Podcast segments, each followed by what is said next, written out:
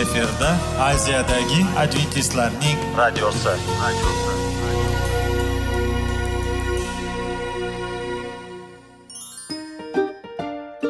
assalomu alaykum radio tinglovchimiz dasturimizga xush kelibsiz va bizni tinglayotganingizga sizdan judayam minnatdormiz bugungi bizning dasturimizning nomi sog'liq daqiqasi deb ataladi va biz sizlarga bu dasturda mevalarning foydasi haqida so'zlab bermoqchimiz ya'ni uning tarkibi uning tarixini va foydali xususiyatlari haqida. Aziz do'stlar mevani iste'mol qilish kerak ekan va biz boshladik ketdik. Sog'liq daqiqasi soliqning kaliti qiziqarli ma'lumotlar faktlar. Har kuni siz uchun foydali maslahatlar. Sog'liq daqiqasi rubrikasi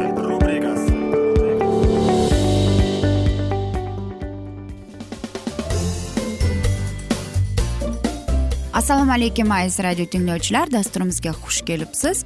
Va biz sizlar bilan tana va sog'liq degan dasturni o'qib eshittirayotgan edik. Va bugungi bizning dasturimizning mavzusi ong va xulq atrofga salbiy ko'rsatadigan mahsulotlar deb nomlanib keladi. Albatta siz o'ylaysiz nahotki shunday mahsulotlar bor deb? Albatta. Va bugungi bizning dasturimizning mavzusi aynan mana shu haqida. Aziz do'stlar keling birozgina injiq bolani tasavvur qiling. U doimo jimgina o'tirolmaydi va u o'zini baqirib yig'lab urishib mana shunday o'zini munosabatda bo'ladi va uning ota onasi har xil usullarni qo'llab ketadi. Lekin unga hech narsa yordam bermaydi va oxir oqibat ular psixologga murojaat qilishadi. U esa ularni judayam e'tiborli tinglab va o'ylaydiki ularga nima maslahat beradi? Bolaning parhezini o'zgartirishga.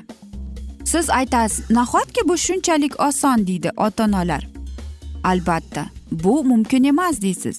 Lekin qarangki biz hamma narsa bo'layotgan narsa munosabatimiz. Biz iste'mol qilayotgan ovqatdir ekan. Yo'q nafaqat alkogol nafaqat sigaret nafaqat boshqa narsalar. Mana shu biz qaysi mahsulotlarni doimo ravishda iste'mol qilsak ular bizga ijobiy salbiy ta'sir ko'rsatib keladi bizning munosabatimizga va bizdagi bo'lgan kayfiyatimizga olib ketadi. Va bizdagi bo'lgan kayfiyat yoki bizdagi bo'lgan mana shunday qo'rquvni olib kelar ekan. Keling hozir esa mana shu haqida biz sizlar bilan batafsil so'zlashamiz. Keling sizlar bilan bir mahsulotlarni olib ko'raylik. Aytaylik shakar. Ha shakar nima bu? Albatta neyronlar shakarga muhtoj. Ayniqsa bu biz aytamiz yoqoqli ya'ni glyukozaga. E, lekin biz kuniga sakson yoki yuz milligrammdan olishimiz kerak. Agar biz buni kam iste'mol qilsak bizdagi bo'lgan umuman hech narsaga qo'l urmasligimiz mana shu yerdan kelib chiqadi va albatta bosh aylanish ham shu yerdan kelib chiqadi. Agar ko'plab shakarni iste'mol qilsak unda bu judayam bu insulinni ishlab chiqaradi va bu birinchi o'rinda bizdagi qondagi glyukozaning tushib ketishiga olib keladi. E, lekin ko'plab ya'ni biz ko'p shirinlik iste'mol qilsak bu biznega bo'lgan kayfiyatimizni ya'ni aytaylik g'amligimizni bexavotirligimizni mana shu yerdan olib chiqadi.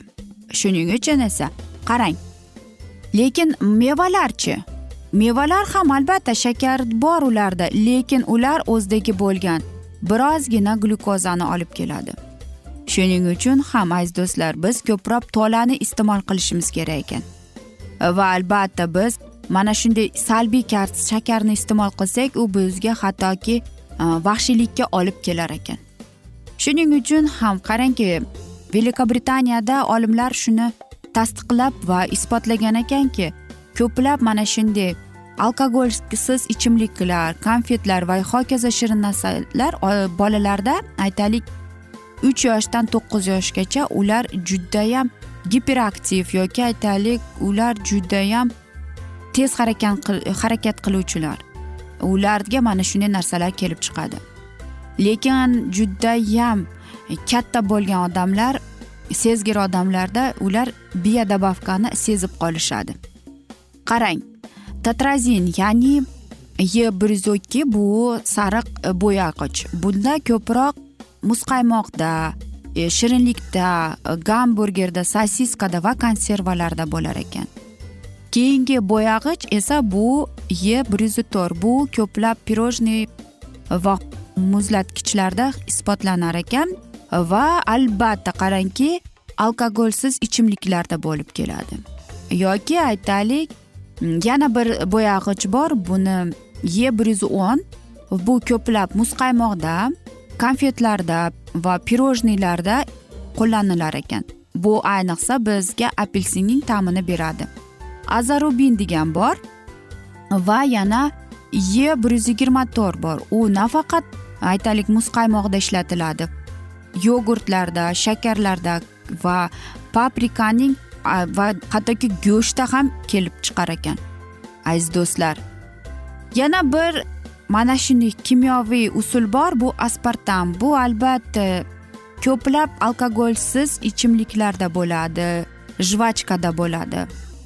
Biz o'ylaymizki bularning hammasi hech narsa emas deb lekin qarangki bular hammasi bizning tanamizga bizning miyamizga salbiy ta'sir ko'rsatar ekan. Agar biz o'zimizga yaxshilikni tilasak mana shu narsalarni umuman iste'mol qilmasligimiz kerak. Albatta bu judayam qiyin kimyoviy usuldir.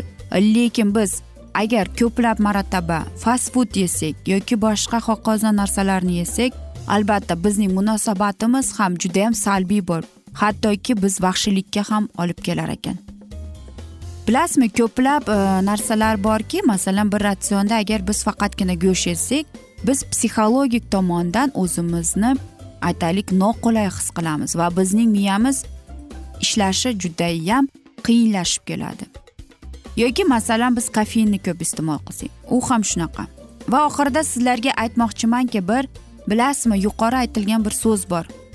Sen menga ayt sen nima iste'mol qilyapsan va men senga aytaman kimsan deb. Albatta biz unutmasligimiz kerak bu ovqat. Biz nima iste'mol qilsak u bizga judayam ajoyib salbiy ta'sir ko'rsatib qoladi.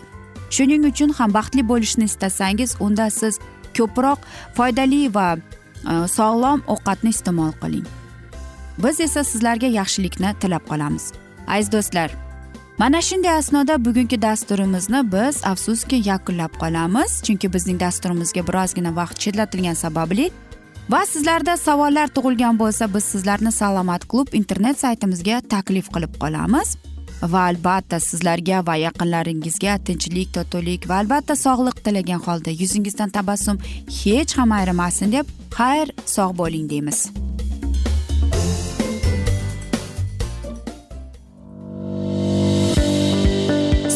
Daqiqasi. Soliqning kaliti. Qiziqarli ma'lumotlar faktlar. Har kuni siz uchun foydali maslahatlar. Sog'liq daqiqasi rubrikasi.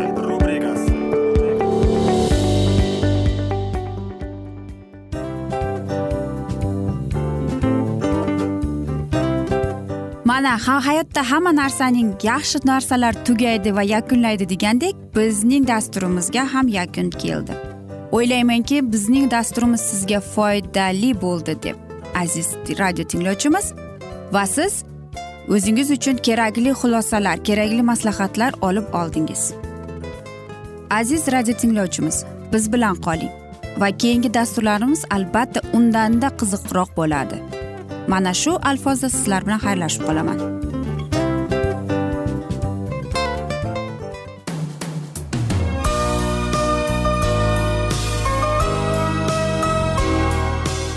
Efirda aziyadagi adventistlarning radiosi.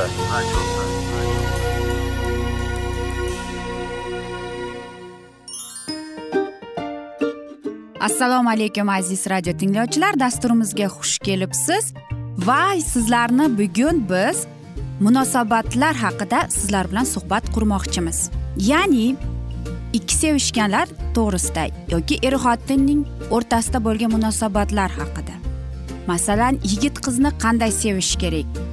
Er xotinni qanday sevish kerak? Xotin erini qanday sevish kerak? Qanday munosabatda bo'lishi kerak ular bir biriga mana shunday haqida bizning mavzuyimiz.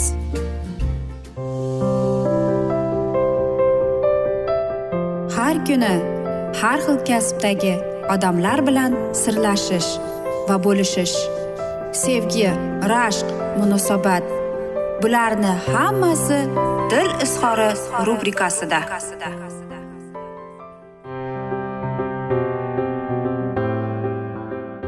Assalomu alaykum aziz radio tinglovchilar. Dasturimizga xush kelibsiz. Va biz sizlar bilan erkaklar marsdan ayollar veneradan degan dasturni o'qib eshittirayotgan edik. Va bizning bugungi dasturimizning mavzusi ayollar o'zlarini umidli his qilmasa deb nomlanadi. Ya'ni ular o'zining mana shu quduqqa kirib ketayotganda. Ular o'zlarini kuchli va o'zini himoyada deb his qilmasa. Albatta biz ayollarning mana shunday e, kayfiyatimiz dengiz kabi to'lqinlarga o'xshaydi.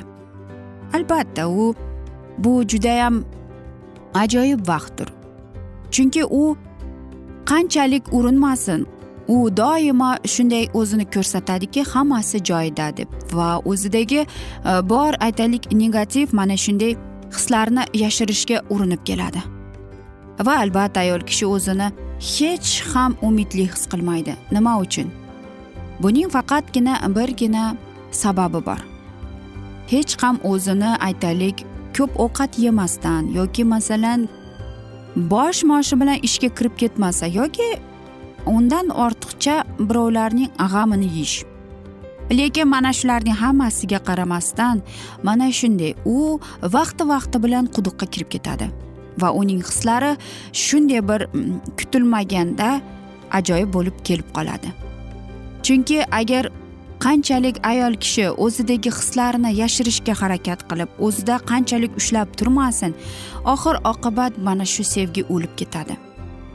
E, bizlarga ko'plab mm, mana shunday hikoyalarni bilamizki ba'zi er xotinlar to'g'risida. Ular hech qachon urushmagan ammo lekin hammani hayratga solib ular ajrashib ketgan. Va ko'plab mana shunday hikoyalarda ayol kishi o'zidagi bor mana shu negativ hislarini yashirishga uringan sabab bo'lgan. Va oxir oqibat bu narsa aytaylik u shunday muzlab qoladi va mana shu hislar uni sevgini his qilmaslikka olib keladi. Qarangki biz o'zimizdagi mana shunday yomon hislarni ya'ni biz o'zimizda bosib o'zimizda ushlab tursak bu narsa sevgining o'ligiga olib ketadi. Axir buning aytaylik biz qanchalik janjalni bahslarnidan qochsak albatta bu yaxshi ammo lekin o'zimizning hislarimizni yashirmaslikka harakat qilishimiz kerak. Chunki hislarimiz bilan biz bo'lishimiz kerak. Albatta hammaning ham oilasida urush janjal bo'ladi. Lekin biz ayollar o'zimizda ushlab o'zimizda qandaydir aytmasdan mana men yuqorida sizlarga aytib o'tganimdek ayol kishining sevgisini o'ldiradi. Albatta bu qandaydir desam ekan dengiz kabi mana shunday kayfiyatlar kelganda biz um, o'tgan galgi dasturimizda aytgan edik natsional tozaluv deb nomlanadi. Ya'ni ayol kishi o'zining qudug'iga kirib o'zi o'zini tozalab uh, va ko'plab aytaylik sevadi va o'zining sevgisi bilan o'sishga harakat qilib ko'radi. Chunki ayol kishi umuman mana shunday bir aytaylik dengiz kabining to'lqinlariga o'xshab uning ham kayfiyati hislari alg'ov dalg'ov bo'ladi. Ko'plab ayollar esa mana shunday o'zidagi yomon hislarini yopishga harakat qilib ko'radi. Va ko'plab mana shunday vaqtda ayollarimizning aytaylik hayzi bo'lgan paytda ayol kishi judayam asabiy bo'lib qoladi. Chunki mana shunday paytda ayol kishining kayfiyati э, qarasang bir qarasang yaxshi bo'ladi bir qarasang э, yomon bo'ladi. Ya'ni buning hammasi mana shunday hislar mana shunday tuyg'ular aytaylik besh minutni ichida o'zgarib qoladi.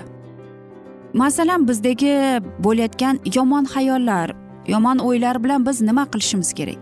Qanday qilib biz o'zimizning hayotimizda aytaylik omadga duch kelishimiz kerak? Albatta biz mana shunday vaqtda o'zimizning qudug'imizga kirib ketamiz. Va erkaklarimiz mana shu asnoda judayam katta xatoga yo'l qo'yishadi. Nimaga?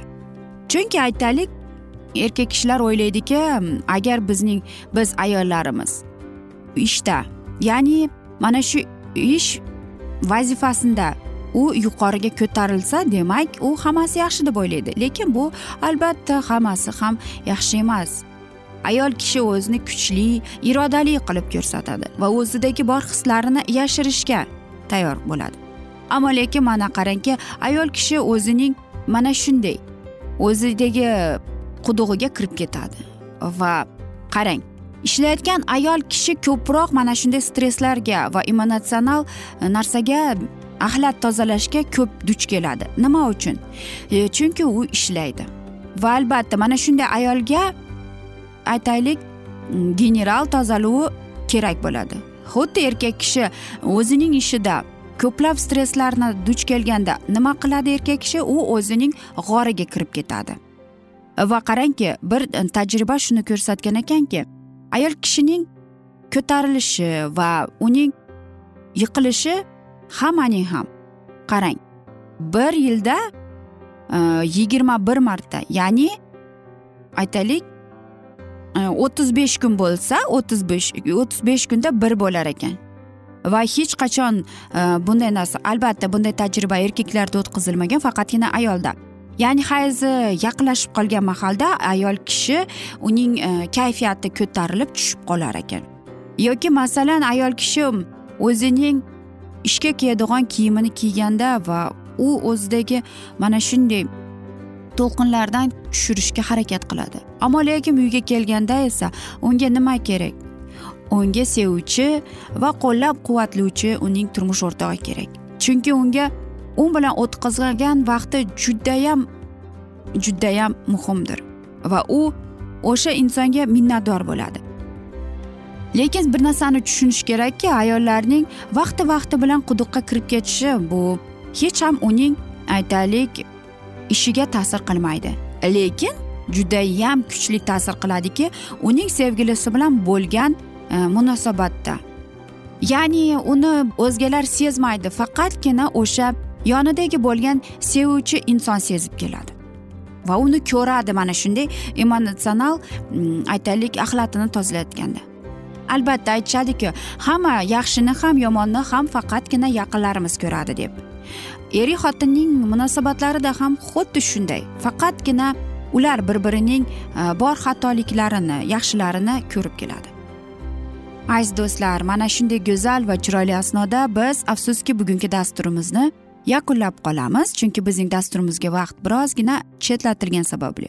Ammo lekin keyingi dasturlarda albatta mana shu mavzuni yana o'qib eshittiramiz. Va men umid qilamanki sizlar bizlarni tark etmaysiz deb chunki oldinda bundanda qiziq va foydali dasturlar kutib kelmoqdalar. Va albatta biz sizlarga yuzingizdan tabassum hech ham ayrimasin deb seving seviling deb xayrlashamiz.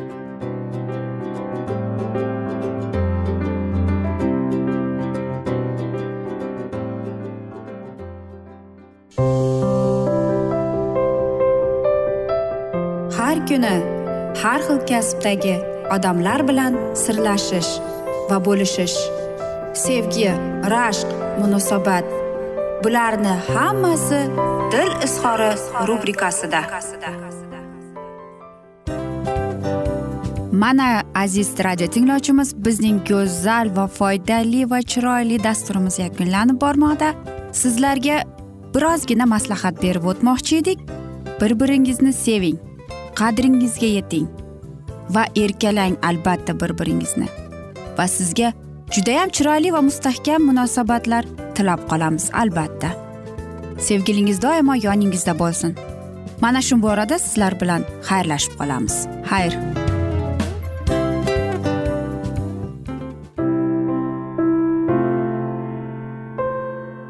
Hayotning noni. Qiziqtirgan savollar va javoblar. Buning hammasi ko'ngil uchun oziqa rubrikasida.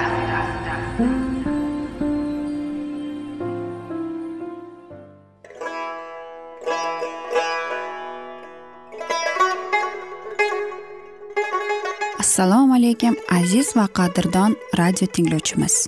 Dasturimizga xush kelibsiz. Bizni tanlaganingizga sizdan minnatdormiz. Va keyingi bizning e, mavzuyimiz diniy masalasiga kelib chiqadi. Albatta hayot davomida bizni ko'plab qiziqtirgan savollar bordir. Va mana shu savollarga qayerdan javob olsam ekan deb o'ylanib chiqamiz. Yoki hayotning ma'nosi nimada deb o'ylanamiz. Mana shunday dasturlar o'ylaymanki siz sizga foyda bo'ladi deb. Aziz do'stlar e, bugungi bizning mavzuyimizning nomi vahiy kitobning ochilishi. Ya'ni bu muqaddas kitobda shunday deb yozilgan. Vahiy kitobning bizga bo'lgan buyuk sovg'asi deb. Albatta mana shunday kitobni eshitib quloq solib e'tiborli bo'lsak biz o'zimizning qiziqtirgan hayotning ma'nosini tushuntirgan bizni kelajakda nima kutayotganini mana shu kitobdan bilib olamiz albatta. Va xudoyim bizga qanday rejalar ochgan bizga qanday kelajak kutayotganini aynan mana shu kitobda yozilgan va bizga mana shu kitob orqali xudoyim bizga aytib bergan. Keling aziz do'stlar mana shu kitobni e'tiborli va yaxshilab quloq solib va chuqurroq nazar solaylik shu muqaddas kitobga. Assalomu alaykum aziz radio tinglovchilar dasturimizga xush kelibsiz. Va biz sizlar bilan ulug' kurash degan kitobni o'qib eshittirayotgan edik. Va bizning dasturimizdagi mavzusi fransiyada uyg'onish deb nomlanadi. Va biz sizlar bilan o'tgan galgi dasturdagi mavzuni bugun davom ettiramiz. Qirol yo'qligi paytda u protestant xizmatchisiga shahar ibodatxonalarida vaz qilishga buyruq berdi. Papa amaldorlari buni taqiqladi. Malika vaz o'tqash uchun saroyni berdi. Binoni tezlikda jamoat jihozlari bilan bezatib chiqdilar va bu yerda har kuni ma'lum bir vaqtga xudoga xizmat qilinadi. Hamda bu xizmatga hamma tabaqan odamlar taklif qilinadi deb e'lon qilindilar. Odamlar to'dasi har kuni bu zalga kelardi. Ularning orasida davlat arboblari yuristlaru savdogaru ustalar ham bor edi. Saroydagi jamoatxonadan tashqari ular qo'shni xonani ham to'ldirdi.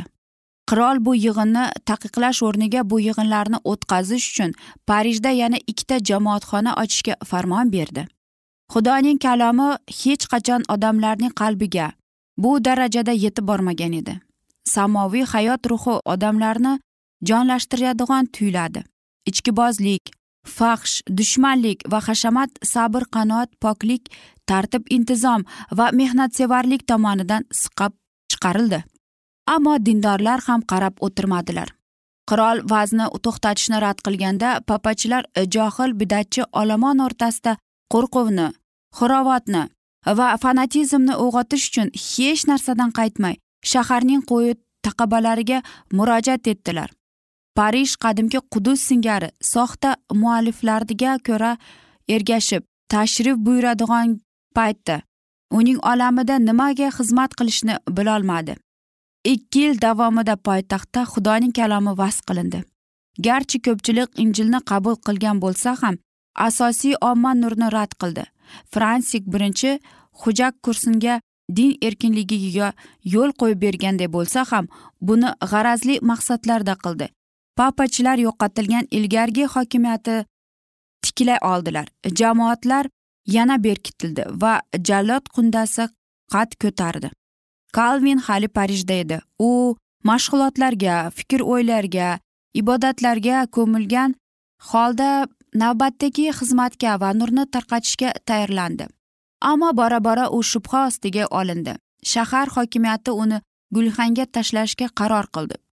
Kunlarning birida kalvinning chetdagi uyiga do'stlari hovliqib yugurib keldilar va hozir seni qamashga kelyaptilar deb xabar berdilar. Kalvinning uyi xavf xatar to'g'risiga shubha tug'dirmasdi. Shu payt eshik taqillab qoldi. Bir daqiqani ham boy berish mumkin emas edi. Do'stlardan ba'zilari ofitserlarni ushlab turish uchun eshikka bordilar. Boshqalari kalvinni oynadan tushirib yuborishga yordamlashdilar. U tezda shaharning ovloq joyiga yashirindi. Islohotga xayrixoh bo'lgan bir hunarmandning uyida boshpana topib xo'jayinning kiyimlarini kiyib oldi va yelkasiga omonchi ortib yo'lga tushdi. U janubga tomon yo'l yurib malika margaritaning mulkidan boshpana topdi. Bu yerda u bir necha oy kuchli do'stlarining himoyasida yashadi va odatdagidek xudoning kalomini o'rganishga sho'ng'ib ketdi. Lekin uni fransiyada haqiqatni tarqatish fikri tark etmadi. Shu bois uzoq vaqt harakatsiz tura olmadi. Biroz tingach kalvin puateta o'ziga yangi faoliyat maydonini topdi. Bu shahar universitet bo'lib yangi ta'limot xayrixohlik bilan qabul qilindi. Hamma tabaqa odamlari injil haqiqatini mamnuniyat bilan qabul qilib. Kalvin bu yerda ommaviy ravishda vaz qilmadi. Balki o'zi yashayotgan sudyaning uyida. Ba'zan jamoat bog'ida uning vaznini tinglashga xohish bildirganlar uchun abadiy hayot so'zlarini oshkor qildi.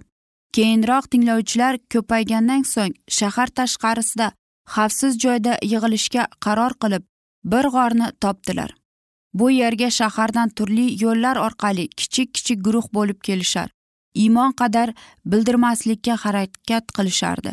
Bu ovloq g'orda odamlar muqaddas kitobni o'qishar va kerakli izohlarni oladilar. Bu yerda fransiya protestantlari birinchi marta oqshom ziyofotida ishtirok etdilar. Mana shu kichik jamoatxonadan bir necha sodiq xushxabarchilarni yetishib chiqdi.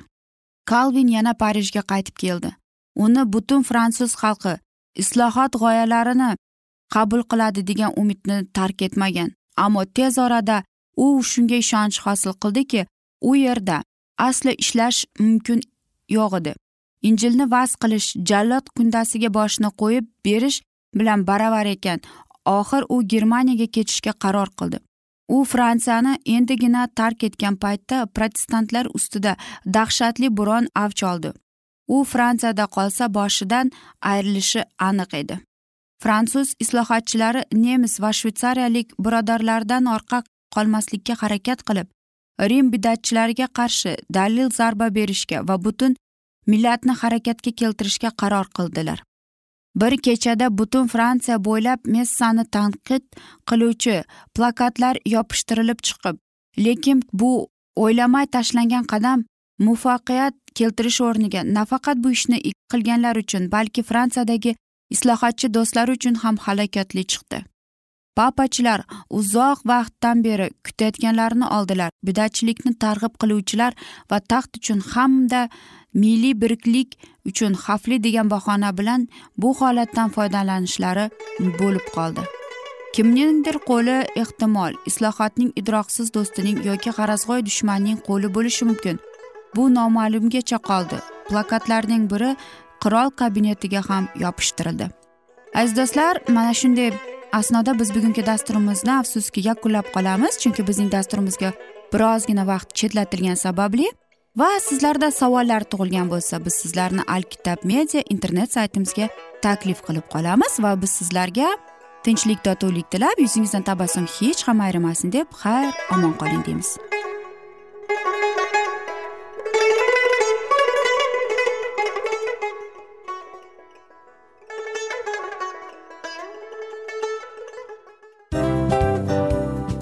Narsaning yakuni bo'ladi degandek afsuski bizning ham dasturlarimiz yakunlanib qolyapti. Va biz o'ylaymizki bizning dasturimizdan o'zingiz uchun kerakli va foydali maslahatlar olib oldingiz. Sog'liq borasida sizga foydali maslahat berganmiz deb umid qilaman albatta. Va sizlarga mana shu borada sog'liq tilab qolaman. Munosabatlarga kelganda esa sizlarga sevgi omad va albatta yaxshi munosabatlar tilab qolamiz. Uchinchisiga kelganda esa bu juda chuqur va e'tiborli nazarni qumsaydi. Va sizlarga mana shu yaxshilik kayfiyatda sizni kayfiyatingizni ko'targan holda sizlar bilan xayrlashib qolaman afsuski. Ammo lekin keyingi dasturlarimiz undanda qiziq bo'ladi. Va siz biz bilan bo'ling. Bizni tanlaganingiz uchun sizlarga rahmat. Omad sizlarga. Xayr.